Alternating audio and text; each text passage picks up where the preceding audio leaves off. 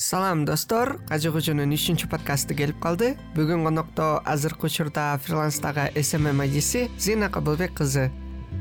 Албетте үчүнчү подкаст дегеним бул экинчи сезондун э, үчүнчү чыгарылышы. Зина салам. Салам. Жаныбек. Маанай кандай? Сонун аябай сонун. Сонунбу эртең менен эрте туруп бул жерге келип сонун аба ырайы бүгүн дагы мындай салкын болуп турат го. Ошондуктан аябай жагып атат дем алыш күн болгондуктан дагы э, эс алуу күнү болгондуктан дагы жакшы болуп жатат. Иштебейсиң да бул күндөрү? Э, бул күндөрү жок. Негизи азыр фрилансер болуп атам. Ошондуктан э, баары өзү каалагандай ооба өзү каалаганда иштейм каалабасам иштебей коем. Ушундай жакшы биз дайыма эле коногубуз менен тааныштыруудан баштайбыз. Анан ошо өзүң жөнүндө айтып берсең негизи өзүң нарын жергесиненсиң мен билем анан бул жака келип өзүңдү таптың деп көрөм да менчи анан өзүң жөнүндө айтып берсең э, кандай жерде төрөлгөнсүң э, эмне кишилер бар ал жерде. Мен нарында болгом да негизи анан сенин э, көз карашың менен уккан кызык мен нарын шаарында төрөлгөм ата энем нарын шаарында турат. Азыр деле ошол нарын жеринде чоңоюп ошол жерде өскөм. Мектепке дагы ошол жерге баргам. Мектепте биринчи класстан он биринчи класска чейин ошол жерде окугам нарында. Орус мектебинде окугам. Бирок нарында аябай эми кыргыз тили баардыгы эле кыргыз тилинде сүйлөйт эмеспи. Ошондуктан мен дагы кыргыз тилинде сүйлөп эле чоңойгом ошол он биринчи классты бүтүп бишкекке келгем. Окуганы чоң окуу жайга бгуга тапшырып англис тили мугалиминин кесибин алайын деп ошол жерде окудум. Төрт жыл бирок профессиям боюнча иштебей биринчи курстардан баштап эле иштеп баштагам радиодо иштеп көрдүм эл аралык организацияларда иштеп көрдүм. Анан акыркы жылдары чоң бизнес компанияларда иштеп калдым маркетолог катары. Ошондой кыскача менин окуям. Менин билишим боюнча баягы дайыма мындай умтулган кызсың да. Анан мындай өзүң дагы дуер деп жазасың да бул жерде.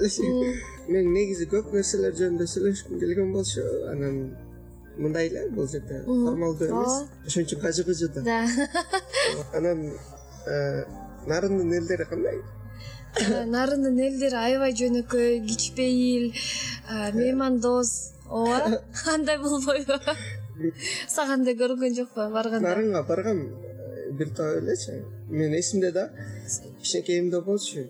Беш жаштарым эле апам болуп анда машинабыз жок анан эме автобус менен барабыз да анан боом калп чыга бербу ачыгын айтсам ал жакта карагайлар кичинекей да аябай көлдөгүдөй эмес да. Анан баратып анан апаман сураганым эсимде да. Апа эмнеге карагайлар артка жылап атат депчи загадочный нерселер көп болчу анан мен эстеген нерсе бул билем тайкем мененчи. Мени менен тең аябай мындай согуша берчү да кечинде бир жака барып келатканбыз да ошондо. Анан балдар кармап алып анан неме көп э негизи? Мындай согушмай деген көп э мурда көп болчу. Мурда көп ооба азыр билбейм. Бирок ооба мындай өзүнчө эле культ болчу да ал жерде. Биздин э, классташтарыбыз деле же болбосо кийинки класста окугандар деле мындай түртүп кетип эле мындай ошондой аябай сонун мындай круто болуп көрүнчү да ушундук болупчу. Негизи менин көчөм мен чоңоюп өскөн көчө нарын шаарында закональная деген аты ошондой самый мындай криминальный болчу да эң криминалдуу. Бирок мен э, төрөлгөн мен жашаган учурда эмес менин байкем улуу байкемдер чоңоюп өскөндө анан ал жерден э, башка көчөнүн балдары өткөнгө болбош керек болчу да. Башка балдар өтүп аткан болсо биздин көчөнүн балдары кармап туруп балким сабап койчу экен да. Ошон үчүн мен закональныйдамын деп айтсаң анда мындай коркунуччу да. Мен болсо айткандан уялчумун. Ошонучу анткени бүт криминалдуулардын баары ошол жакта болсо анан эми баардык криминалдуу эмес кээ бирөө да кээ бирөө деп коеюнчу уялчумун да ошондо айтканда мен жөнүндө дагы ошону ойлоп калбасын деп. А мен башка көчөнү жакынкы көчөнү айтып койчумун бирок азыр андай эмес. Азыр ал балдардын баары чоңойгон уже үч төрт балдалуу болушкан. Биздин көчө аябай кандай десем дружный дружный. азыр билбейм нарында ошентип согушуп. Азайып калды азайып калды болуш керек ооба. Айтып кеткен жана профессиям боюнча барган жоксуң депчи а эмнеге? Э, негизи мен мектепте окуп жүргөндө эле аябай эме деп коет го. Уюштуруучу ыкмаларым мындай бар болчу. Ошол ошондуктан өзүм эле журналистика ошондой пиар жагына иштегим келчү да адамдар менен баарлашып сүйлөшүп өзүм да аябай активдүү болчумун. Ар күнү мен мындай башка адамдар менен таанышкым келчү билгим келчү бишкекте эмне болуп жатат бишкек кандай шаар кандай адамдар бар бул жакта кандай иш чаралар өтүп жатат ошолорго кызыгып эле ошентип катышып жүрдүм. Ар кандай конкурстарга тренингдерге көп адамдар менен тааныштым анан сезе баштадым. Бул мугалим болуп иштегим келбеди да. Анткени э, мындай жанагыдай уюштуруучу жерлерде иштегим келген. Адамдар менен сүйлөшүп баарлашып дегендей. Анан э, эми айтсам деле жаңылбайм. Э, мугалимдер жаш мугалимдерге мамиле андай эмес мындай анчалык жакшы эмес го деп ойлочумун да мен. Мектепке барсаң эле мындай практикант катары балким мага мамиле жасайбы деп и мындай негизи мага мугалим болгон жагат бирок англис тилинин мугалими болуш мындай анчалык жаккан эмес. Мүмкүн мурда деле айткансың бирок мурда билчү эмес экенмин да мен дагы англис тили мугалимимин педагог. Экөөбүз тең өз кесибибиз менен иште анан э, айтып атпайсыңбы шаарга келгенде баягы мындай го мен ойлогонум башкача болчу да мисалы шаарга келгенде аябай баягы американский фильмдерди көрүп алып анан э, а момундай офистерде иштейбиз мындай практика кылабыз депчи окуганда ушундай эстегем да. Э, бирок мурда келип жүрчүмүн мен шааргачы анан чөйрө анчалык мен күткөндөй болгон жок да өзүмдү көрүп атам да. Анан ар кайсы жерлерде иштептирсиң организацияларда анан иштегенде кандай? Оор болду беле башында мен башында биринчи курста бул жерге окуган келгенде э, биринчи айдан баштап эле иштегим келип баштаган. Анткени ата энемден акча алгым келген эмес да. Өзүмдү өзүм багайын өзүмө акча табайын деп. Анан э, менин курбу кызым экөөбүз э, жок башка. Айтыш керек беле жок аны тааныбайт болушуңуз керек. Ошол кыз экөөбүз жумуш издеп баштадык. Кафелерге барып официант керекпи деп. Анан кафелерге барсак биринчи эме дольче вита деген кафеге барганбыз пиццерияга. Ал жерге барсак силер студент турбайсыңарбы биз студенттерди албайбыз деп койду. Анан мен ойлоп койдум ии бишкекте аябай оор турбайбы жумуш тапкан эмне кылам эми каяка барып иштейм? деп ойлоп баштадым. Андан кийин бир жакшы эже таанышым инфокс деген справочный э, службага мени уюштуруп берди. Ошол жерге иштеп калдым. Бирок бишкекти такыр билчү эмесмин. Э, бишкектин көчөлөрүн билчү эмесмин. Эмне бишкекте эмне бар эмне жок? Такыр билчү эмесмин анан собеседованияга барганда билем деп койдум. Ооба мен бишкекти билем. Келип жүргөм бул жака деп. Анан мени жумушка алышты. Анткени мен кыргызча дагы орусча да аябай жакшы сүйлөчүмүн. Анан иштеп баштаганда бишкектин картасын коюп алып изилдеп баштадым. Кандай көчөлөр бар бишкек моундай бөлүнөт экен кадимки эле чоң кадимки эле чоң бишкектин картасы менен үйрөнүп баштадым. Билбейм да. Анан ал справочный службада иштеген соң баардыгын билишим керек болчу да. Анткени адамдар ал жерге чалып ар кандай суроолор менен чалчу. Мисалы кандай маршрутка тигил жерге барат пиццаны каяктан заказ берсе болот тогукту каяктан сатып алса болот деген ар кандай суроолор болчу. Ошонун баарына биз он секундтун ичинде жооп беришибиз керек болчу ушундай эме эмелер бар болчу маалыматтар топтолгон бирок өзүңдүн дагы ошого шыгың болуш керек болчу да ошол маалыматты бат издеп тапканга ошол жерде алты ай иштеп көп нерсени үйрөндүм. Азыркыга чейин аэропорт манастын номерин билем жатка ооба аптекалардын номерин э, эми ар кандай кафе чоң ресторандардын ошолордун аттарын э, номер телефон адрестеринен бери эсимде калган да ошентип ошол жерде иштеп орус кыздардын арасында иштечүмүн. Чоң кыздар болчу алар. Анан өзүмдү мындай басынкан сезе берчүмүн ал жерде. Нарындан келип мындай э, өзүм неуверенная болчумун да э, өзүм мындай ишенчү эмесмин өзүмө. Бирок ошончолук оор жумуш болгондуктан көп нерсеге үйрөндүм алты айдын ичинде. Анан алты айдын ичинен кийин башка жерге иштеп кеттим. Ошол оорчулукту жеңген оңой эле болдубу мисалы биздин угармандардын дагы айыл жеркесинен болушпу өткөндө оштун кайсы бир айылынан дагы жазып калышты да. Силердин подкастты көчүрүп алсак болот депчи көп кишилер мүмкүн оор болду. Чынын айтканда аябай эле оор болгон. Анткени ал жакта менин бир айлык акчам айлыгым алты миң сомдой эле болчу беш миң сомдой. Ошону мен квартирага төлөшүм керек болчу өзүмө кийим алышым керек болчу тамак аш алышым керек болчу. Мисалы университеттен мен обед кылганга жыйырма сом эле короочумун он беш сом пирожки беш сом чай ошондой эле бюджет бар болчу менде. Бирок уялчу эмесмин такыр. Анткени мен билчүмүн да. Бул жумуш мага убактылуу бул жерде иштейм көп нерсени үйрөнөм анан андан ары кетем деген. Чоң максаттарым бар болчу. Мындай юношеский максимализм деп коет го. Ошондой бар болчу бирок ага болбостон ал болбостон кээ бирде өзүмө ишенбей дагы кетчүмүн да анткени мындай жакшы кийген кийимдерим деле жок болчу.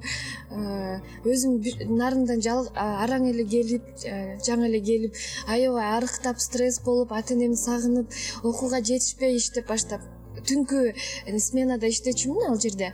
Анан окууга уктабай барчумун түнү бою иштеп ушу справочная службада анан эртең менен барып уктап калчумун э, сабакта отурган бойдон. Ошентип э, экинчи курстан баштап мындай окууга жетишпей баштадым. Бирок өзүмө приоритет койгом да. Азырча мага жумуш керек болуп атат акча керек. Англис тилин өзүм деле ал убакта жакшы билчүмүн. Ошондуктан э, эми жумушту тандоого мажбур болдум да. Анткени чындыгында акча керек болчу ал жерде иштегенде деле мындай. Аябай өзүмдү жаман сезип э, жумуштан кетип калгым келчү. Эмнеге мен ушинтип мына орус кыздар кээ бирде мындай коор кылып эме мындай аябай катуу эмес бирок кээ бирде сезчүмүн да ошолорду. Бирок ошого карабай эле көк бет болуп эле иштеп отура берчүмүн эми андан башка каякка барып иштейм азыр чыдаш керек.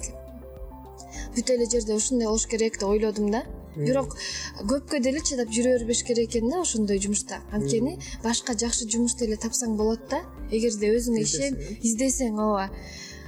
Чыдабай мындай башка бирөөнүн жаман сөздөрүнө чыдабаш керек да. Кичине чыдап чыдамкай болосуң сабырдуу болуп. Бирок аябай эле ашып кетип атса өтө мындай. ашы чаап атса анда айтыш керек да айтып туруп. Өзгөртүш керек жашооңдучу аябай кызыктуу экен э, баягы айтып атпайсыңбы иштегем анан өзүм баарын каржылаганга умтулгам депчи. Э, менин э, туугандарыман бар болуш керек ошентип ийгиликке жетип азыр компания ачып аткандарчы бирок мен өзүм там эшек минип алып сүт саткандан башка героизм жок. Бирок мен деле мен студенттик бүтүп калганда иштей баштадым да. Сени менен иштей баштаган учурлар дагы бул башталыш болчу да. Кандай бул вообще жашоону жаңы эле билип аткан учурум ошондо эле. Мен дагы ошондо университетте окуп жүрчүмүн. Экөөбүз ооба. Ошол уктабай барып жүргөн учурларбы жок ооба анда деле бирок мен ал учурда саидмурат абылатовдун само деген эл аралык уюмунда иштеп жүрдүм. Адамды өнүктүрүү борборунда. Анда деле күнүгө иштечүмүн. Э, дем алыш жок болчу. Эртең менен э, сабакка кетем сабактан бирлерде чыгып жумушка барам жумушта бир он он бир он экиге чейин кээ бирде иштечүбүз түнкү. Үйгө кээ бирде мындай күндүз күндүзгү күндү көрбөй калчумун да. Э? жүрө берчүмүн ооба. Эртең менен караңгыда сабакка кетесиң да анан түштө болсо менин жумушум эме жолдон кийин через дорогу болчу. Аябай чарчачумун анткени ал жерде мозговая деятельность. Мындай мээң менен иштешим керек болчу да. Ошон үчүн. Мына зина өзү ишин жакшы билет кыла баштады уже ооба жумуш башталды. Негизи аябай интернетте жок болсоң сен жоксуң да. Ооба. ооба ооба. Кантип успевать этесиң ушуну эми ал уже автоматический болуп калат экен да чынында кечээ дагы конокко баргам да досторубуз менен жолугуп. Алар жөн эле отурат эс алып. Мен болсо азыр кое турсаңар мен муну тарта калайын э? Тиякта карасаң деп мындай э, билбей каласың да кантип ошону жазып атканыңдычы анткени уже жагат да сага. Сүрөткө тартып ошону киргизип жакшы атмосфера кылып обстановканы мындай өзүңө э, жаккандай кылып. Азыр да мен көп иштебей калдым мурдагыдай. Мурда эки үч жыл мурун бир иштегенде бир төрт беш компанияга иштечүмүн бирөөндө мисалы э, мындай офиста отуруп иштесем калгандарын э, алып э, фриланс катарычы удаленно ошолорду нормально все нет нет нет это мы можем переснять Здравствуйте. спасибо большое. Здравствуйте. А чай когда будет скажешь сен америкага барып келдиң? Көп өтпөй эле кандай өттү эмне долбоор болуп калды? Кыска эле Э, он- ал учурда мен долбоор жөнүндө он биринчи америка жөнүндө көп эле ал э, негизи мен э, мектепте окуп жүргөндө айрекс жана соростун э, айрекс сорос жана госдепартамент сша ошонун э, долбооруна катышкам. Э, технология доорунун кыздары деген. Анан э, ал э, долбоордун максаты кыздарды мектепте окуп жаткан кыздарды айти э, эме навыктарын үйрөтүү жана лидерлик сапаттарды э, жогорулатуу анан мен э, аябай негизи америкага баргым келчү кинолордо американы көрүп эле чоңойбодукпу анан э, ошондуктан ал долбоорго катышып финалист болуп өтүп бир жыл өтпөй дагы бир жолу ошондой болду. Анан ошол эки программанын эки жылдын катышуучуларынын ичинен конкурс жарыяланды. Алтымыш кыздын арасынан үч кыз тандалып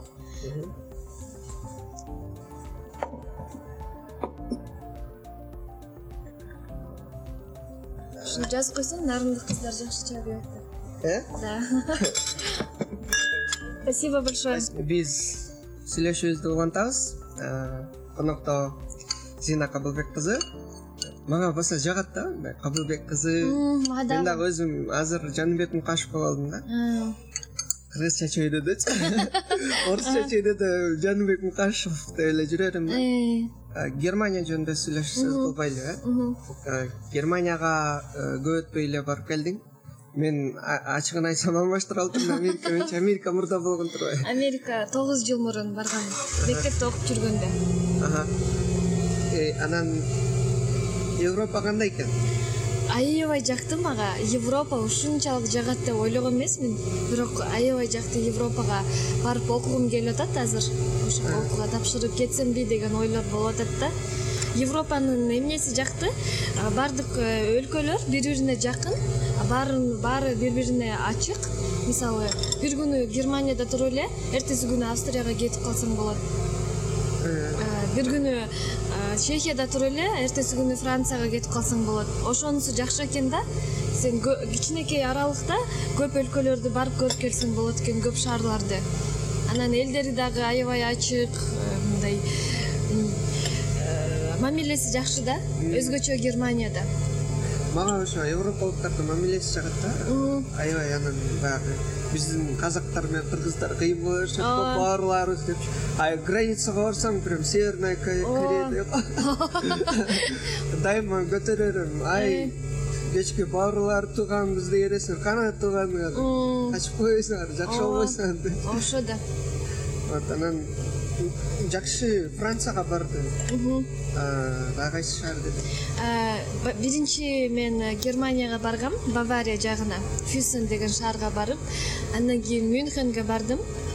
Германияда ал деле мюнхенден берлинге бардым. Берлинде бир ай жүрдүм. Анан берлин бүткөндөн кийин прагага бардым чехия. Андан кийин акыркы күндөрү францияга парижге бардым атайын э, негизи европага кетип атканда мен өзүм ойлонгом да кайсы шаарларды кыдырышым керек деп. Көп адамдардан сурап көрдүм ал жака барып келгендердин. Анан көбүнчөсү ошо праганы айткан барып кел деп. Вена будапешт бирок вена будапештке жетишпей калдым. Бирок өзүмдүн каалоом бул парижге барыш керек болчу. Анткени эми париж сүйүүнүн шаары деп э, сүйүү махабаттын шаары деп айтып коет го ошо эйфелева баш эйфелева башняны көргүм келди аябай. Анан э, акыркы билетти э, келе турган билетти атайын парижден алып койгом. Эмнеси болсо да парижге барып көрүп кетем деп. Бардым чынында эле аябай жакты. Баардык өлкөлөр жакты германия берлин берлин аябай жакты берлин негизи. Тарыхый жаштардын э, шаары экен ооба. Молодежный город деп атап коет экен анткени берлинде көп университеттер анан аяка жаштар окуганы барат экен. Аябай мындай эркин шаар экен да. Берлин. Баардыгы точный бекен ооба баардыгы точный эме поезд да метро? Ровно ровно келет мисалы он тогуз жыйырма үч десе ошондо келет. Ооба ооба жыйырма он тогуз десе ошентип мындай. Точно жүрөт экен кечикпейсиң ал жерден. Транспорт баардыгы тең түшүнүктүү берлинде э, баардыгы эле англисче дагы сүйлөйт экен мен немец тилин билбей эле англисче эле сүйлөшүп жүрдүм. Анан э, берлинде негизи берлинский стиль деген сөз бар экен да түшүнүк. Ал э, аябай мындай сонун экен да. Өзүңдү кандай өзүң кандай кийингиң келсе кандай эркин сезгиң келсе ошондой кийинсең болот экен. Мындай э, бизге түшүнүксүз болуп кетиши мүмкүн бирок берлинде ар кандай адамдарды көрөт экенсиң анан дагы берлин деген бул клуб анан барлардын шаары экен бүт өлкөлөрдөн ошол берлинге атайын клубтарына барганга келишет экен да. Анан мен аябай мындай ыраазы болдум ушундай жаш кезимде берлинге барганыма. Анткени мен мурда аябай мындай жакшы кыз болуп мындай примерная деп коет го. Ошондой болгонго аракет кылып эле өзүмө көп нерсени мындай позволять этчү эмесмин да? А берлинге барганда барларына барып клубдарына барып менин жаштыгым ушундай өтүш керек турбайбы? деп. Эми аябай эле аша чап мындай ой болду болду деп анткен жокпуз бирок көрдүк да адамдар кандай эркин боло алат. Мисалы алардын клубдарына коляска барго биздин эме мүмкүнчүлүгү ден соолугуна байланыштуу мүмкүнчүлүгү чектелген адамдар. Алар дагы барып өзүн биздей эле адамдай сезип клубдарга барат экен да? Ошолору жакты мага. Ал жерде мисалы жынысыңа же болбосо улутуңа эч нерсе карабайт экен. Ал жерде мындай адам эле болсоң болду да?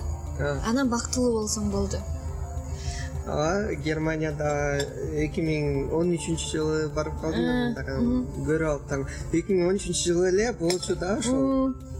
Кырк он бир кыркта келет десе он бир кыркта келип калат да автобустарчы анан сен өзүңдүн жашооңду пландай аласың да ооба. Мисалы бизден деле если транспортто жакшы өтүп койсо биз дагы пландап кечикпей мындай кыргыз ооба кыргыз деген эмеге коюп конбойбу кыргызбай ии булар кечүүгө эле жүрөт депей биз деле так так жүрмөкпүз да. Мындай жакшы өзүңдүн убактыңды пландасаң деле кечигип калышың мүмкүн да. Бул жердечи пробка болуп калат маршруткалары убактысы менен келбейт кофе жыттанган жокпу? барганда кечке. Э, кофе жок. Э, берлинге барганда кофе жыттанган жок. Ал жерде башка нерсе жыттанды. Айта берсем болобу. Бул эме Э, марихуана. Чыны. Ютуб блог болот ошондой чын эле мен өзүм марихуананы эч качан эметип көргөн эмесмин. Бирок ошондой жыттанат деп мындай бирөө айтты да. Ушундай бүт жерге паркка барсаң деле ошондой жыттанат. Метрого кирип баратсаң метродо мисалы афроамериканец балдар артыңан кубалап алат экен да бүгүн сен жакшы күн өткөргүң келеби ушундай суроолорду берипчи бирдемке жаңы нерсе даамдап көргүң келеби деп ушинтип анан билесиң да сага эмнени сатканын атканычы. Анан биз болсо жок жок деп кетип калып аттык жытын билесиңби ооба. Парижде жүргөндө да бир эки жолу ошондой болуп кетти жыттанып. Бирок берлинде легализация болгон эмес ал мындай подпольно кылышат экен да. Бирок эми аябай эркин шаар болгондуктан ошондой болуп калган болуш керек эми. Ал антсе эле ойлоп калбагыла аякта баары эле марихуана эмеп тура тура жок андай эмес. Алар аябай жоопкерчиликтүү берлиндиктерчи так так иштеген жумушун жакшы билген анан э, эме берлинде эң аз э, маяна айлык маянасы бул э, бир саатына он евро түзөт экен мисалы сен пол жууп иштесең дагы бир саатына он евро эме закон боюнчачы мыйзам боюнча. Анан ошону угуп алып мен да аябай таң калдым. Ошончо мисалы жакшы жумушуң болсо көп эле акча табат экенсиң да мындай жашоо сапаты ал жерде аябай жогору. Кошулам. Аябай жакшы көргөн шаарлардын бири бирок мен ноябрда барган үчүн ал жакта берлингеби мындай тарыхый кичине скучный шаардай сезилип калды го дейм. Жайында келсең жакшы болмок деп мени хост мамам айтатты да жайында келсең аябай жакшы бул жакта газондордо студенттер негизи ал берлинге барып жашаш керек экен да бир ай эки ай жарым жыл. Анткени жөнөкөй эле турист болуп барсаң скучный болот экен. Мен айтып атпаймынбы жанагындай берлиндин өзүнүн атмосферасы бар экен да берлинский дух стиль модерн этот мода модерн клубу баары ошон үчүн ошолорду барып. Вот ушундай да чистый вайб деп коет го өзгөчө аябай жакшы менин суроолорум кээде өткөнүп кала берет анан эгерде кааласаңар париж жөнүндө айтып берейин. Көп көп адам париж жөнүндө айтып берейин. көп адамдарга кызыктуу болот эмес. Негизи мен парижге прагадан учкам самолет менен. Эс алып самолет менен эрте жетейин деген мындай ойлорум бар болчу да. Жакшы парижде алты күн болгом. Анан барып туруп парижден адашып кеткем. Башка аэропортко конуп. Анан бир аэропорт жабылып калат экен да кечинде а мен түнчүндө эшикте жалгыз калгам парижде. Париждиктер көбүнчөсү англис тилин билишпейт экен. Сүйлөсөң ооба французча сүйлөйт да. Мен французча түшүнбөйм да. Түнчүндө төрттөн жок экиден бешке чейин жалгыз эшикте жүрбөдүмбү эмне кылаарымды билбей каяка барам? Метро иштебейт экен да түнчүндө метро иштебейт. Такси чакырсаң такси аябай кымбат. Автобустардын эме маршруту түзүлгөн эмес картада билбейсиң да хостелге кантип жетем деп анан эптеп эми э, эшикте турсам парижде түнчүндө саат беште жанымда эме бир топ балдар турган беш алты бала. Ошолор согуш баштап атпайбы? Жүрөгүм түшүп где то районго бара алган турбаймынбы азыр булар мени уурдап кетсечи деп анан таксини кармап такси менен эмеге бардым хостелге. Кымбат кымбат жыйырма евро. Алты километрге жыйырма евро алды. Бирок алты километр ушул жерден орто сай ооба жыйырма евро. Бирок сонун болчу машина отуруп мен эми безопасности деп анан э. анан барып эле ал бирок ошол хостелде э, менин эки досум уже бар болчу. Сайрай анан дэн деген. Алардын номерин таппай мен бир номерге барып уктадым. Э, ал номерди да кечинде тоңуп калып сентябрда баргам да. Анан эртең менен үч эле саат уктагам эртең менен сегизде досторум келди зина жүрү эмеге тиги завтрак завтрак бесплатный болчу да. Анан завтрак бесплатный болгон үчүн турдум. Тургум келбей атса дагы туруп барып завтраксыз калбайын деп акча да аз калган да. Анан аны жеп анан кийин эс алып алайын десем жок азыр барып душка түш эйфелева башняга кетебиз деди. Эйфелева башняны укканда кандай экен барып өлө сонун жеткичекти жүрөгүм күлдөп андай ар кайсы жеринен да көрүнүп турат экен да үстүчү шляпасы анан жеткенде аябай чоң экен чындыгында аябай бийик экен. Анан өлө жакты чын очень көчөлөрү кандай экен? Париждин көчөлөрү кооз аябай кооз башкача да мисалы берлинде берлинде э, мурдакы эски имараттарды социалисттик ооба биздин даже бишкектин көчөлөрүнө окшош кээ бирде берлин жерлердечи. Анткени атайын ошентип сактап калыптыр да согуш учурларын эме унутпасын деп. Парижде баардыгы жаңы мындай сонун дизайн эме да өзүңдү мындай кооз жерде жүргөндөй сезесиң да? Ал парижде жүргөндө сен дагы кооз кийингиң келет ошондой. Анан эйфелева башнянын жанына барып эки жеринде бар экен. Бир жеринде парк бир жеринде болсо эме фонтандар бар да? Ошо фонтандар бар жерине отуруп алып акчабыз аз калган да үчөөбүздүнчү тиги бутылкаларга из под крана эле суу куюп алып Э, тиги хостелден нан алып алганбыз. Нан сырларды завтрак кылып аткан чөнтөктөргө салып багыш керек да өзүңдү парижде эң э, тамак эң кымбат нерсе экен да.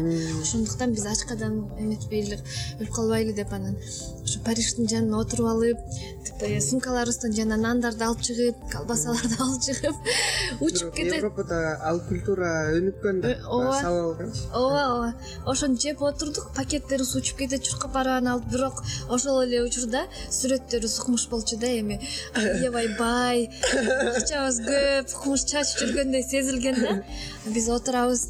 Эми зато в париже эми акчаң акчаң жок болсо дагы ачка болсоң дагы зато парижде жүрөсүң деген ошондой эме дух берип атты да анан парижде биз эртең менен түнгө чейин көчөдө жүрдүк. Бүт жерге барып бүт жер кооз сонун жерлер да.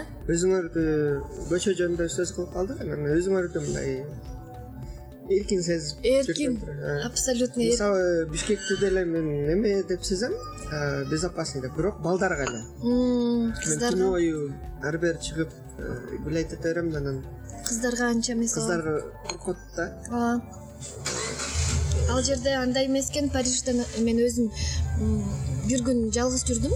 Эртең менен түнгө чейин жалгыз эле басып жүрдүм эме mapsme деген карта бар оффлайн иштейт да интернети жок европа боюнча бишкекте дагы иштейт ошол карта. Ошол менен эле жалгыз жүрдүм абсолютно безопасно мындай эч ким сени карап эметпейт да биздин дагы өзүбүздүн келбетибиз башкача болуп атпайбы биз мисалы азиаттарга да окшошуп кетебиз кичине тай жакка окшошуп кетебиз. Кээбирлер ойлоп атты сурап атты сен турциядансыңбы таиланддасың таиландтансыңбы каяктансың деп. Анан мындай эмне деп айтат? Менби айтып аттым центральная азия деп эле э, кыргызстан десең.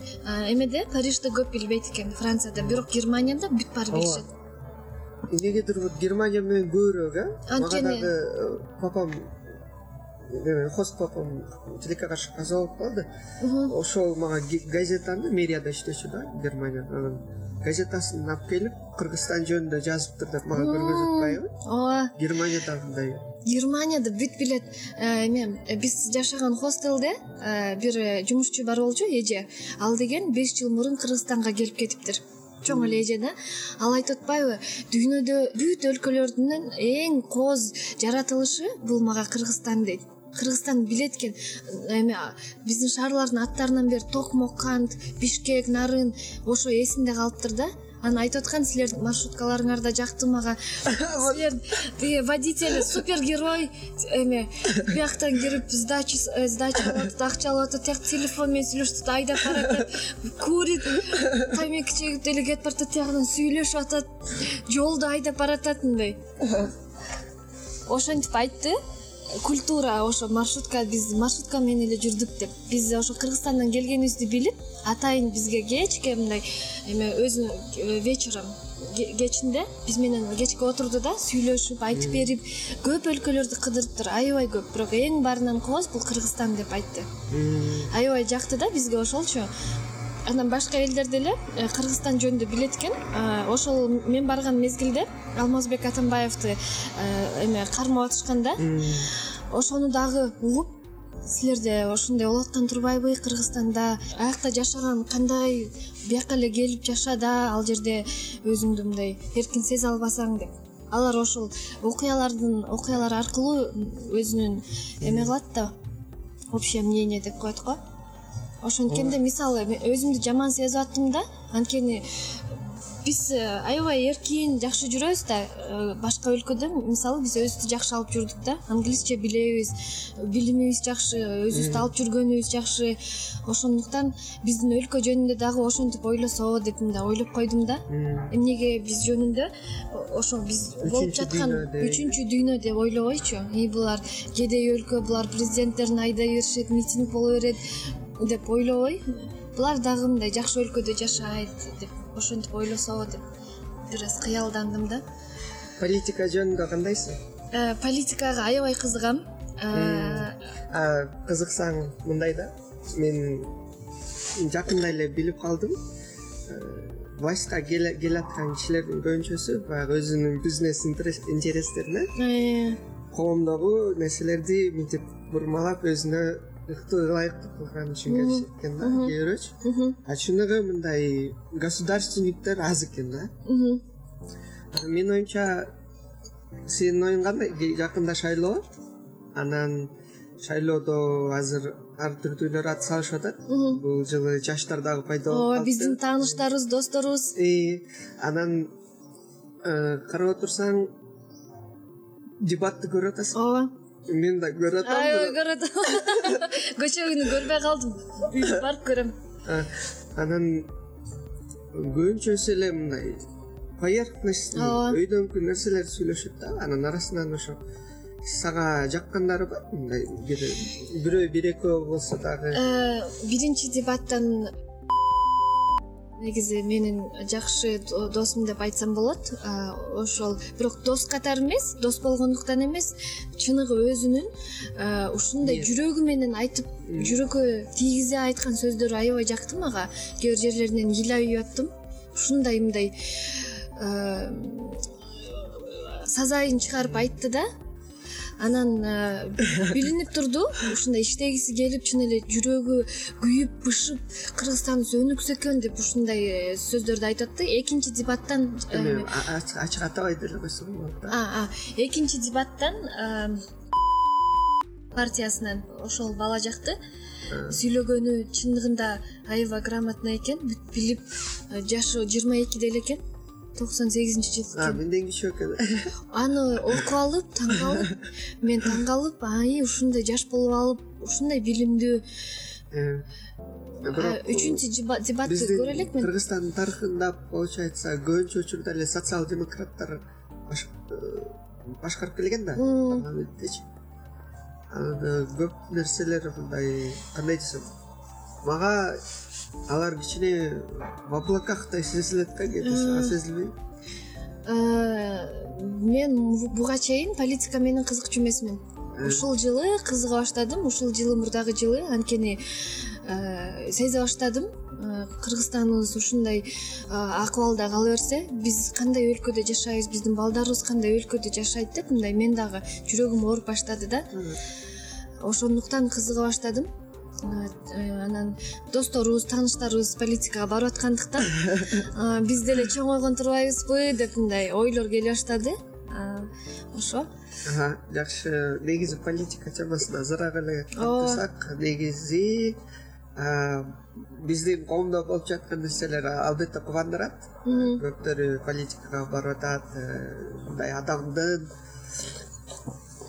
коомдогу жаштардын болобу кимисинин болот мындай бир. Жарандык э, аң сезими пайда болуп атат. Деп айта алат болушум керек анан. Кыздар темасын айтсак акыркы учурда баягы биздин коомчулукта баягы кыздар деген тема өнүгүп келатат да.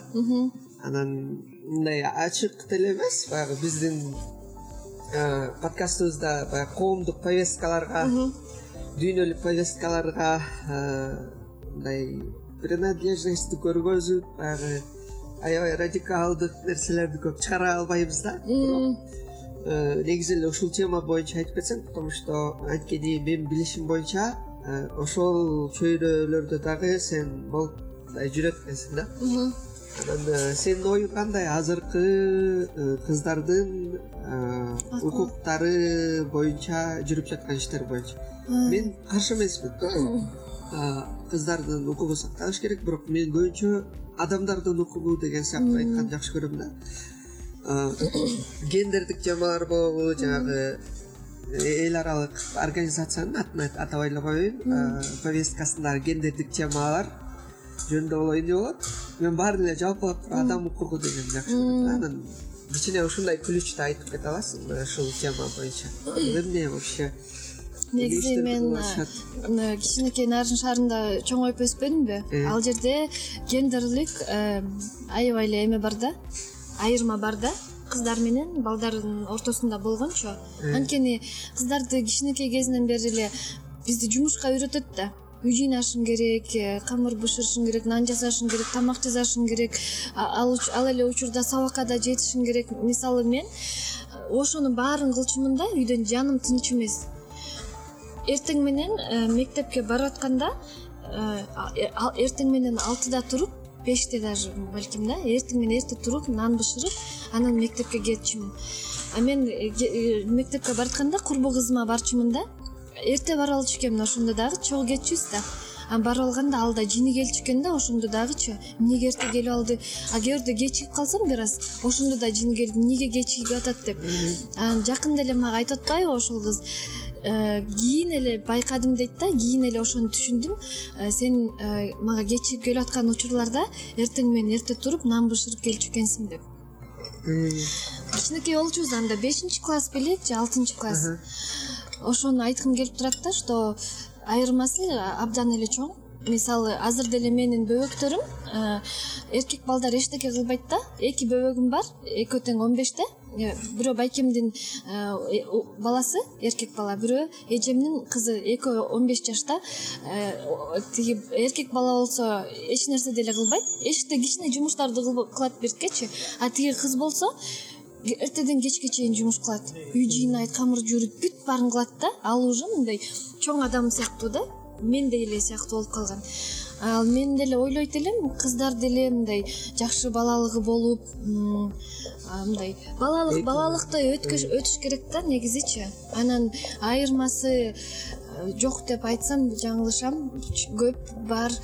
Э, биз мисалы бишкекте жүрүп эле балким байкабай атабыз азыр. Бизге мындай сезилип атат да бүт эле аймактарда бүт айылдарда жашоо шарты э, өзгөрүлүп жакшы болуп кетти деп. Бирок чынында андай эмес мен каалайт элем сен айтпадыңбы адамдардын укуктары сакталсын деп. Мен деле ошону каалайт элем бирок ошол адамдар сакталыш адамдардын укугу бирдей сакталыш үчүн жана кыздардын укуктары кемсиңип атпайбы ошолор өйдө чыгыш керек да. Ошондо бирдей болуп анан андан ары адамдык укуктар сакталып кетет.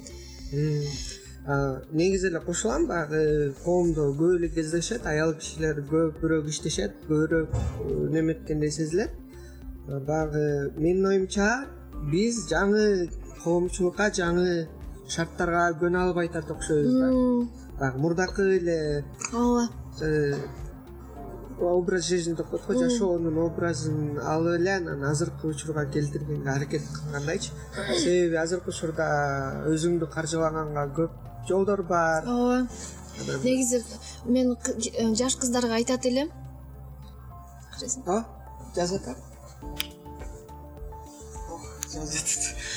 мен э, негизи жаш кыздарга айтып кетет элем. Э, он сегиз жаштагы он алты жаштагы жыйырма жаштагы деле күйөөгө тийгенге шашылбагыла анткени бул неме да? Э, биздин подкастта эми кандай десем?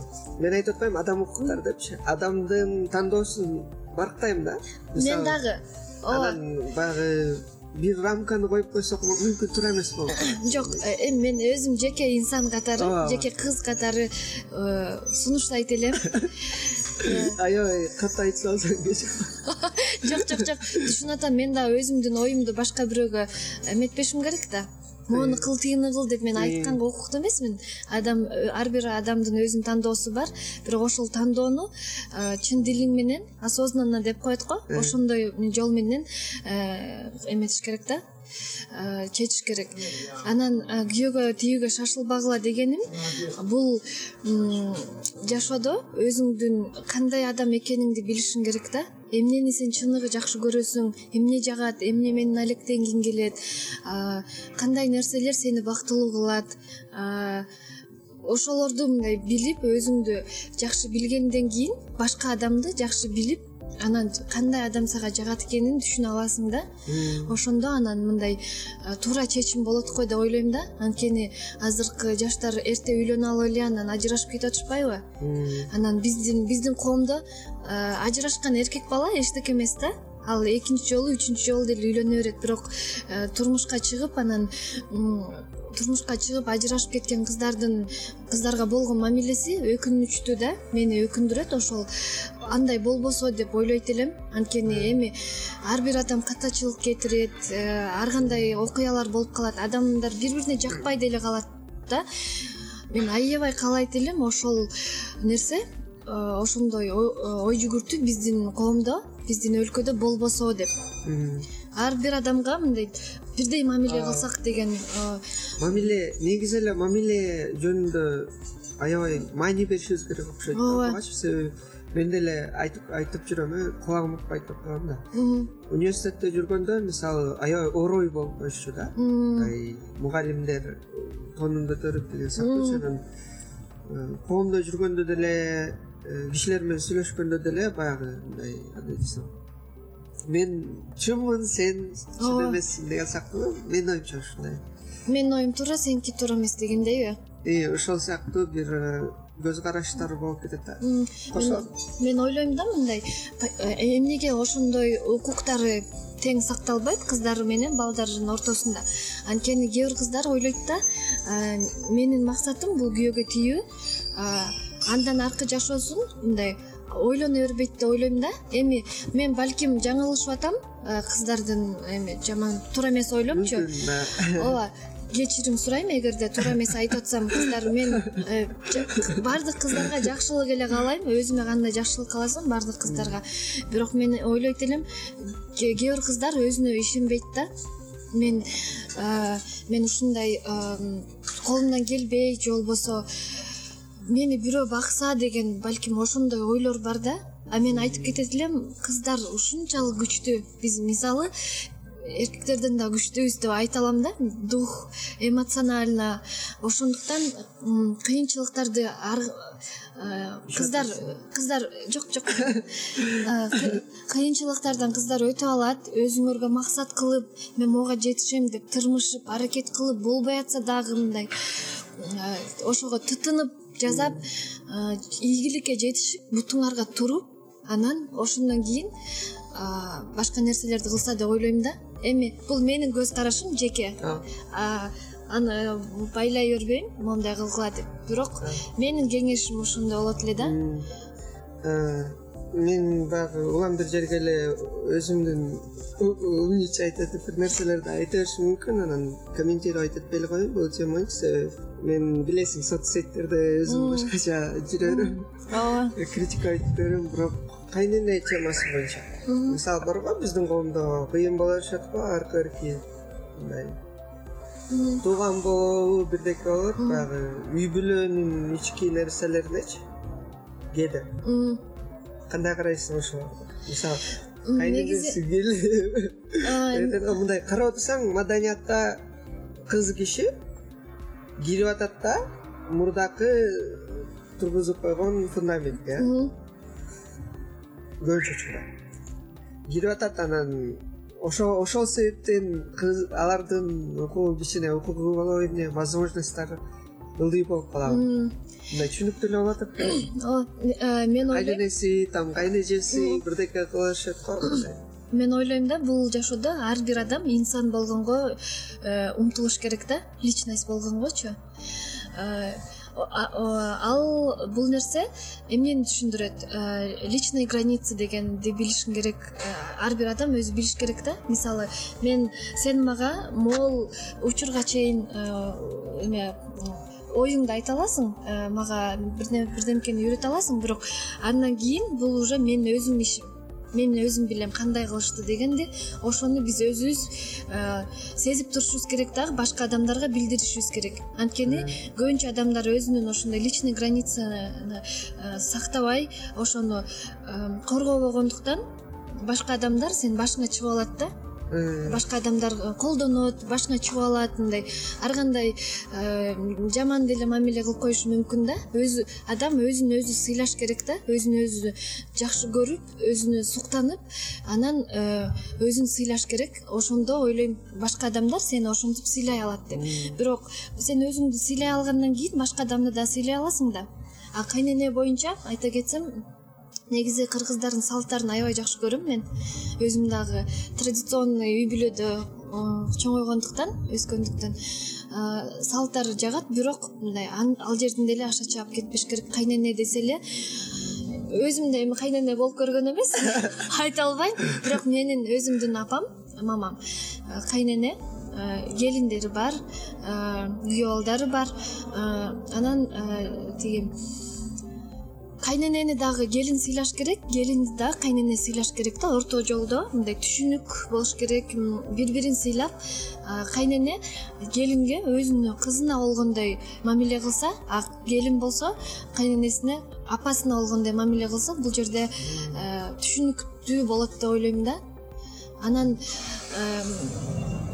но эң биринчиси жана мен айтып кеткен эгерде сен инсан болсоң өзүңдү сыйласаң өзүңдүн жумушуң болсо алектенген жакшы нерселериң болсо татыктуу жүрсөң башка адамдар деле сага ошондой мамиле кылат да. А эгерде өзүнө адам мындай неуверенный болуп жашоодон эмне каалаганды билбей башка адамдар эмне десе ошону кылып жүрө берген мындай ошондой болсо анда подсознательно башка адам сага ошондой мамиле түзүп баштайт да жертва болбош керек да.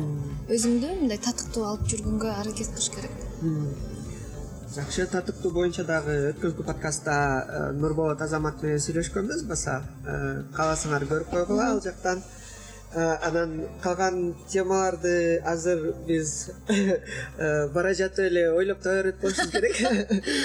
Анан сага кайсыл тема кызык болуп атат зина?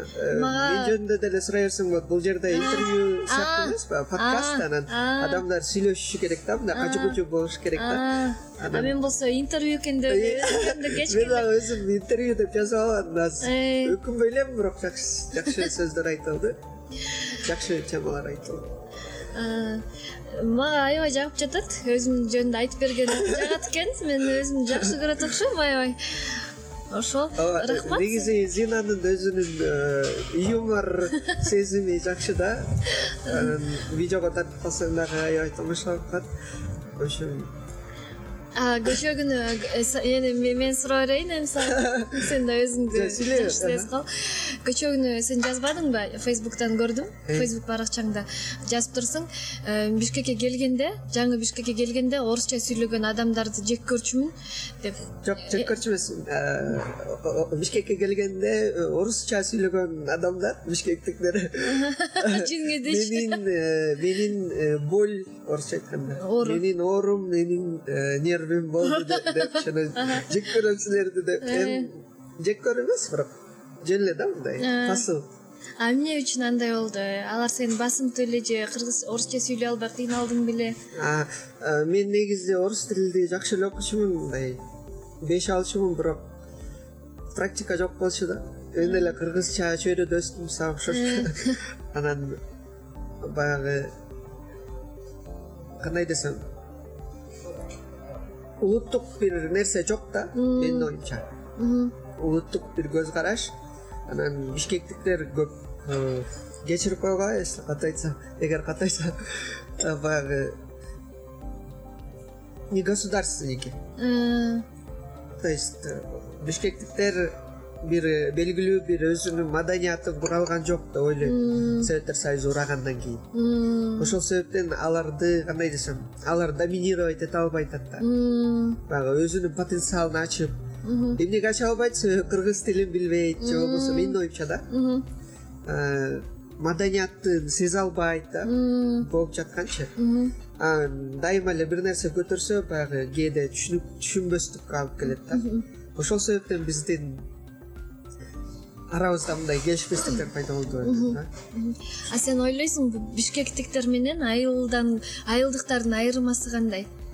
Чоң деле эмес деп ойлойм бирок кандай десем? Айырма ал адам жашаган жеринде эмес да. Э, адамдын э, аң сезими Өзүн- ой ойлогон ой жүгүрткөнү ар бир жерде эле калыптана берет да. Интернет деген нерсе бар азыркы учурдачы анан мен ойлойм азыр айылдык адамдар дагы комплексовать этпеш керек. Анан мырк деп айтып калышат го тиги айыл десе элечи анан мен бул нерсени жаман көрөм. Э, ага. кандай десем мисалы шаардык нерсе адам деле айылдыктан совет сурайт бул. Адамдар арасындагы эле мамиле да. Ооба. Айылдык менен шаардык эмес адам менен адамды. Кажы кожонун дагы максаты ошол. Адамдар ортосундагы коммуникацияны түзүү ошо анан сен аныктай аласыңбы например айылдыктар менен шаардыктардычы адамдарды кандай критерийлер менен балким? Э, көбүнчө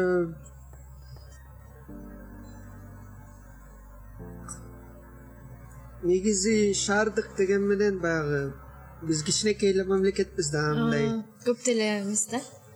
Бар аябай мындай кээ бир сноптор кээ бир абышкалар мага жага бербейт абышка э- э- энелерибиз кээде мындай дүйнөдө укмуш оштон корсогонсуп А, мен сага бир суроо бергим келип атат да. Э, жакында эле биз курбу кызым экөөбүз маршруткада келатканбыз. Анан маршрутканын ичи караңгы экен да анан караңгы болгондуктан бегиштин ырлары болуп атыптыр. А бегишти аябай жагат да магачы ырлары анан көп ырларын дагы билем жатка билем да. А мен э, бийлеп ырдап монтип шаңдуу жүрөм да мен э, мындай позитивдүү жүргөнгө аракет кылам да. Анан мен болсо до- дос курбу кызыма давай азыр фонарик кылалы деп бийлеп отурабыз десем жанымда отурган эже аябай жаман көз менен карады да меничи ушундай жаман көз менен карады жаман болуп кеттим. Эмнеге депчи мен эмне кылып атам? Жаман нерсе кылып атамбы? Мен наоборот мындай маанайын көтөрөйүн деп ушундай ойлорум бар болчу. Анан бул нерсе мени кандай ойго келтирди? Мен ойлодум биздин адамдар алар өзүлөрү билбей эле мындай бактылуу эмес жүрүшөт да мындай как будто несчастливы. И сен өзүң жакшы алып сен сенин бактылуу болуп атканыңды көрүп мындай көрө албаган сыяктуу да. Сен дагы ошондой болушуң керек да. Тебе жок еще тебе должно быть хуже. Сен андан да жаман болушуң керек.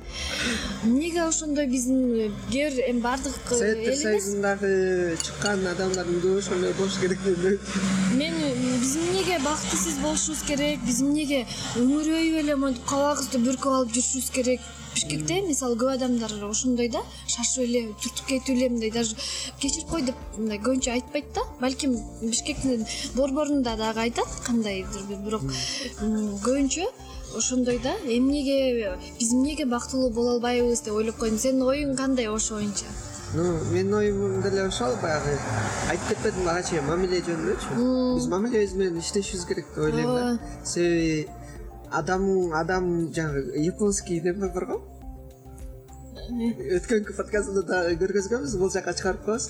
В общем япон э, э, эли? Эли э, япон аял. Өзүнүн кимоносунун биягын кесип атат да. Ал жакта мышык уктап атат да. Ошол нерсени баары көрүп чыгыш керек окшойт дейм да мындай ошол мышыктын уктаганын э, козгобош үчүн козгобош үчүн кесип атат да өзүнүн нерсесинчи анан баягы маршруткада дагы отурганда моюнтуп отуруп алышат кээ бирөө ээлеп отуруп алышат же сумкаларын балдарын отургузбой өзү туруп алат ооба. Анан мен ойлоп атам да биз япондордон алсак болчу да ушул качествоанычы анткени алар аябай аз пространствону ээлеп туруп эки бутун мынтип жаап алып мойтуп отурушат да. Анан э, мамилеси адамдарга болгон мамиле ушунчалык бийик экен да. Ооба бир чети мактаганды деле жакпайт мындай. Бул этнос жакшы бул этнос жаман деген сыяктуучу бирок ушул жактан өнүксөк болчу да. Туура. Жана айтып кетпедимби кайнене менен келиндин ортосунда болгон мамиле депчи? Э. оңой эле нерсе да бири бирин сыйлаш керек да түшүнүш керек. Ар бир адамдын өзүнүн э, көйгөйлөрү болот э, э переживаниялары болот мындай күнүң жаман өтүп калат да жумушта оорчулуктар болуп калышы мүмкүн. Бирок ошолорду сен башка адамга транслировать транслировать этпешиң керек. Башка адам дагы сен ошондой эгерде маанайда болгон болсоң сага дагы мындай еще хуже кылып салбаш керек да. Түшүнүп мындай түшүнүктүү менен мамиле кылса э, айтып кеттиң. э, кандай мамилени айттың? Э, мамиле? Мамиле боюнча. А биз ошону иштешибиз керек деп ошол жөнүндө иштешибиз керек окшойт да. Себеби ооба. мисалы бала менен деле баланы азыр аябай мектеп учуру ушуну айтып карантин болуп калды эми онлайн болуп калышат. Бирок жөн окуганда кичинекей балдар кийим тандоосу дагы стресс да. Кээ бир учурда ата энелер акчага байланыштуу айтышы мүмкүн да биз эми бай мамлекет эмеспиз бирок бала менен дагы түшүнүшүп айтса болот да кээде бала деле түшүнсө керек. баланы дагы үйрөт баласына айтып мына балам ушунча акча бар ушуга батыш керек. Кайсы кийимди каалайсың мындай данияр аманалиев менен бизде подкаст болгон. Данияр аманалиев айтып атат. Подкастта эмес негизи эле айтат да балага мындай жөн возможность бериш керек тандоо кылгангабы анан коюп кой кантип ал өсөт да жардам берип кой эгер помощь сураса деген сыяктуучу туура ошондой бир мамиле болуш керек окшойт да э бала менен ооба негизи кичинекей балдар менен сүйлөшкөн мага аябай жагат да мен аябай жакшы көрөм. чочоң э? Кичинекей балдарды көп нерсе үйрөнсө болот. Мен азыр кызыктуу окуя айтып берейин. Мен нарында жүргөндө ушу биринчи карантин болгондо менин э, улуу эжемдин баласы бар. Төрт баласы бар. Ошонун эң кичүүсү э, томи аты ошол томи сурап атпайбы мени беш жашта. Сина эже сиздин бишкекте үйүңүз барбы деп анан мен айттым жок менин үйүм жок дедим. Эми мен квартирада жашайм да бул жерде. Анан өзүмдүн үйүмдү сурап атат го деп жок деп койдум. Жаман оюм деле жок анан уктаган атканда томи аябай ыйлап атыптыр. Анан мамасы эмне болду? десе зина эжемдин үйү жок турбайбы? деп ыйлап атыптыр. Каяка барып жашайт? деп эжем айтып атпайбы томи ыйлап атат бар сооротуп койчу мен соорото албай койдум дейт. Мен барып томи эмне болду десем сиздин үйүңүз жок турбайбы сиз каяка жашайсыз деп атат жүрөгүм ушунча ооруду өлү ыйлап алыптыр жаш. Айттым томи менин үйүм бар мен квартирада жашайм мына менин үйүм ушул деп көрсөтсөм ишенбей араң ишенди ал ал ойлоптур да зина эжем эмне эшикте жашайбы мындай мага жүрөгү ооратыптыр да кичинекей болбосочу эптеп аны сооротуп уктады эртеси күнү компьютерден paint программасы бар го ошондо мага үй тартып бербедиби сиз ушул жакта жашайсыз эми дейт. Сиздин үйүңүз болот эми деп машина тартып берди. Сиз ушу менен жүрөсүз.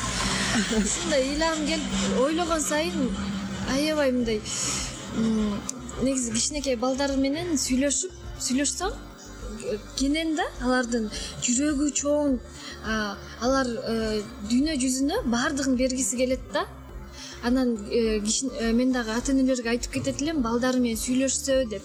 Жөнөкөй эле э, биздики балдар кандай? Отур тамак ич эшикке чыкпа ойнобо деп. Ушундай да. Мамилесичи ата эне менен баланын дагы мамилеси болуш керек да. Мен барганда менин племянниктерим жээндерим жок жээндерим э ооба жок жээн эмес племянниктерим дейинчи алар мен барганда сүйүнөт да. Анткени мен алар менен жерге отуруп алып сүйлөшөм кызыкчылыктарын сурайм чогуу паркка барабыз жазганды үйрөтөм алар менен мультик көрөм. Кичинекей балдарга ойлойм да ошондой керек деп. Анан тандоо боюнча да кичинекей балдарга дагы кичинекей кезинен баштап тандоону үйрөтүш керек да эмнени каалайсың? Сен кызыл өңүктү саласыңбы же көк өңүктү саласыңбы анткени чоңойгондо аларга тандоо кылганга оңой болот да. Менин оюмча сен айткан нерселердин баарын эле биздин улуттук идеологиябызга киргизип койсок ушундай болот го дейм да ар бир үй бүлөдө бир маданият болот. Ошол аркылуу адамдар чечишет да. Балдары менен болгон көйгөйлөрүнчү кичинекей бала өзүн кичинекей кезинен баштап важный сезиш керек да? Особенный болупчу э. мен ии менин тилимди ала турбайбы менин оюмду билгиси келе турбайбы мен өзүм тандасам боло турбайбы деген ой келиш керек да? Анткени адам чоңойгон сайын эгерде сага буга чейин башка бирөө тандоо кылып жүргөн болсо сен элементарно тандай албай калышың мүмкүн. Сен азыр жашыл чай ичкиң келип атабы же кызыл чай ичкиң келип атабы же парк же сен азыр паркка барып э, сейилдегиң келип атабы же э, торговый центрге баргың келип атабы мындай тандоо кылгандычы элементарно да ошол нерселер боюнча.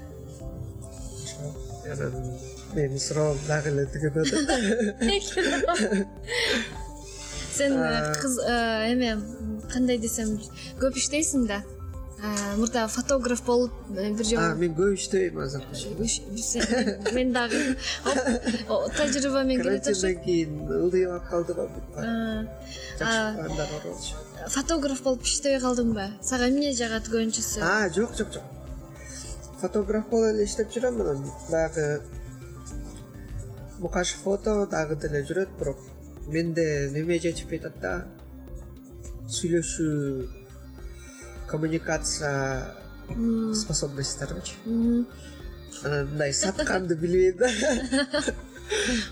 Бирок алам крупный заказдарды деле алам бирок алар аябай ишенген клиенттер менен. творческий адам болушуң керек э ошондуктан? И мага мындай бир убак балдарды алып көбүрөөк акча тапканга депчи. Мындай неметип көрөйүн дедим бирок менин көз карашыма менин вкустарыма дал келбей калды да ойлодум ай өзүм эле кыла берейин депчи а так андан тышкары социалдык долбоорлор менен мамлекеттик кыргыз эли мындай заарканбаган бир өлкөдө жашасак деген эле максаттар менен көп долбоорлорду кылып келатам кылып келатабыз биздин команда менен биздин командада жакшы адамдар бар анан Э, сага ошогон кызыктуу көп нерсе иштерди кылган адамдар менен.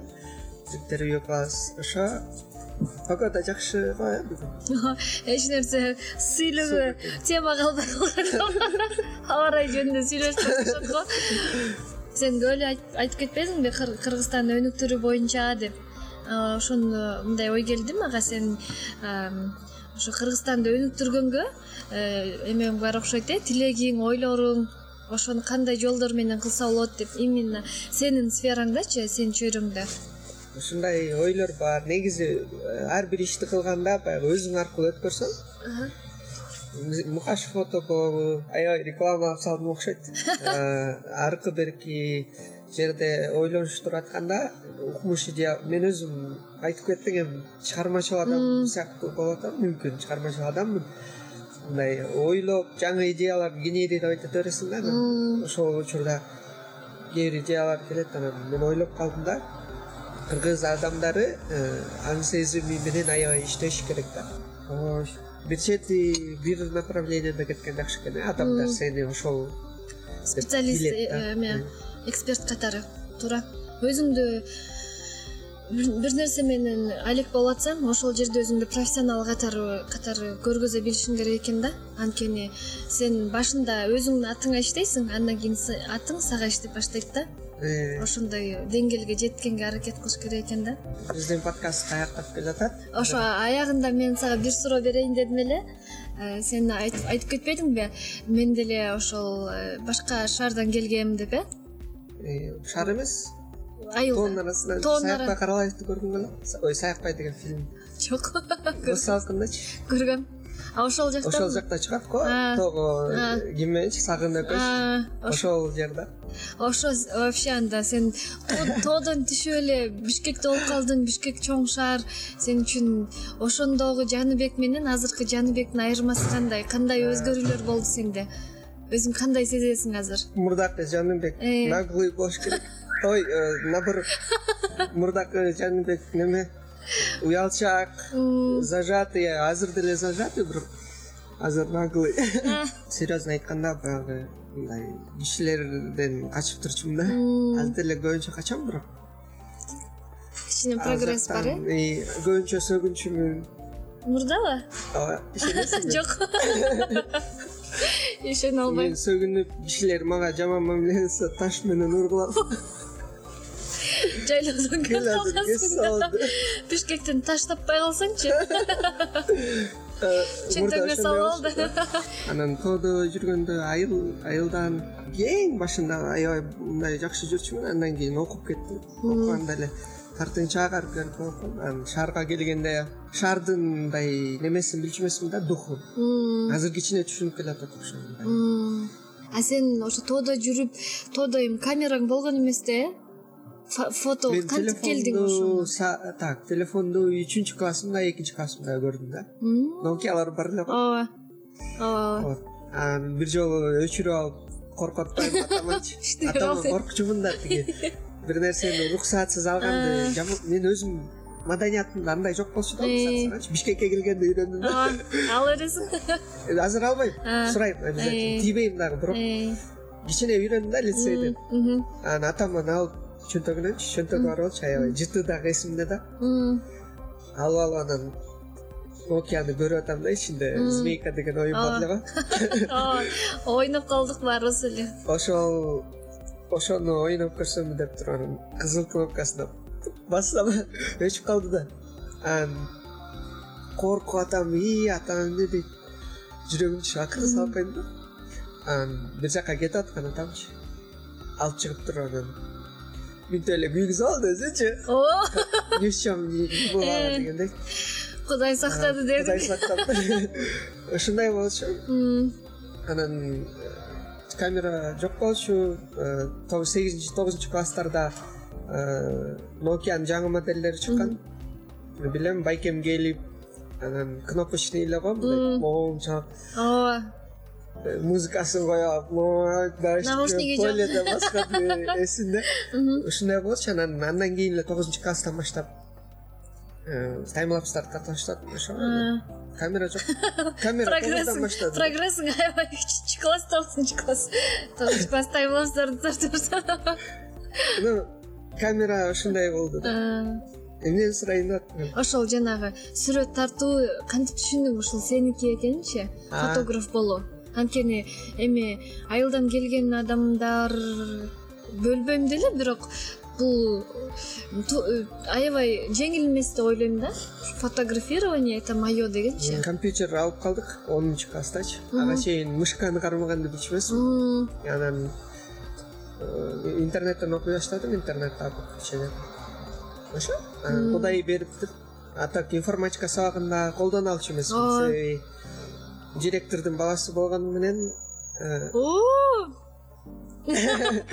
директордун баласы болгону менен школдунчу менин классташтарым жүгүрүп кетчү да.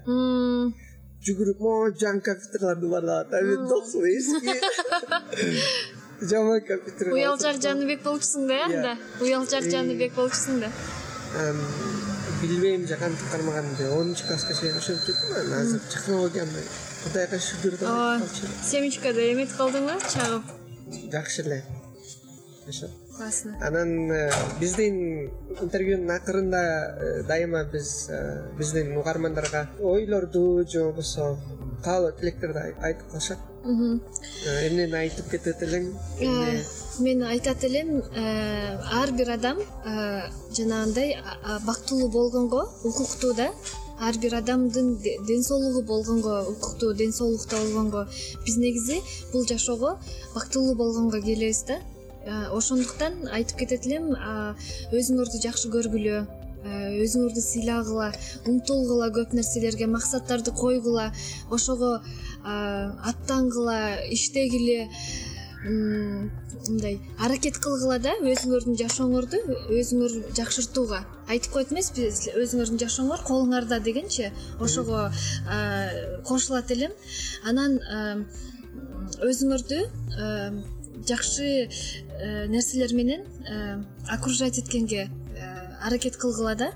Мисалы мындай өзүңөргө жакшы шарт түзгүлө жашагангачы биздин жаш угармандарга айтат элем интернетте көп отурбай интернетте отурганда дагы мындай аракет кылыш керек ошол жерден жакшы нерсе алгангачы китеп окуп курстарга барып тил үйрөнүп башка өлкөлөргө барганга аракет кылып акча топтоп ошол эмегечи э, менин кыялыма деп ошентип айтат элем анан эң негизгиси бул изденгиле өзүңөрдү. Бир нерсе менен чектебей э, эмне жакса баардыгын мындай э, эметип көргүлө да пробовать этипчи анан өзүңөргө түшүнүп келет бул мага көбүрөөк жагып атат мен ошону кылам деп. Анан коркпогула бул жашоодо бирдемкени өзгөртүүгө өзгөрүүгө да. Башка адамдар мен жөнүндө эмне ойлоп калат дебей өзүңөрдү эркин сезип мындай өзүңөргө жаккандай болгула да. Ошон анан жана личный граница боюнча ошону сактаганга дагы аракет кылгыла. Башка адам силердин ошо личный границага тийбегенгечи. Ошо ошондой жакшы ойлор болду анан мен дагы кошулам. Жанагы граница боюнча себеби көбүнчө учурда ошо нарушать этилип кетет. Анан мамиле мамиле бул баалуу нерсе. Жаныбек сага айтат элем чоң рахмат. Сага сенин командаңа бүгүн э, бүгүнкү э, эме таң. Мен үчүн аябай жакшы башталды. э, чындыгында мындай кээ нерселерди сүйлөп атып мен өзүмө дагы ойлоп кетип аттым да. А негизи мен ушундай ойлой турбаймынбы деп мындай жакшы суроолорду бердиң. Аябай мага мындай кызыктуу өттү да. Чоң рахмат ошого. Э, силердин ишиңерге ийгилик каалайм көп жакшы угармандарыңар болсун. Э, кыргыз мындай кыргызча болгондугу дагы мага аябай жакты. Ошо мен дагы ойлодум бүгүн бүт жерде кыргызча сүйлөгөнгө эми аракет кылам деп ошо чоң рахмат сага дагы келип бергениңе анан мен сен деп сүйлөп атам.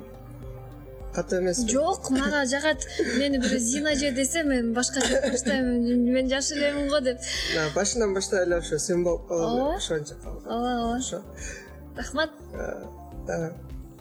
Чай ичели эми өзүнчө отуруп дебейби эл кетти. Эл кетти конок кетти өзүбүз шашпай чай ичели ооба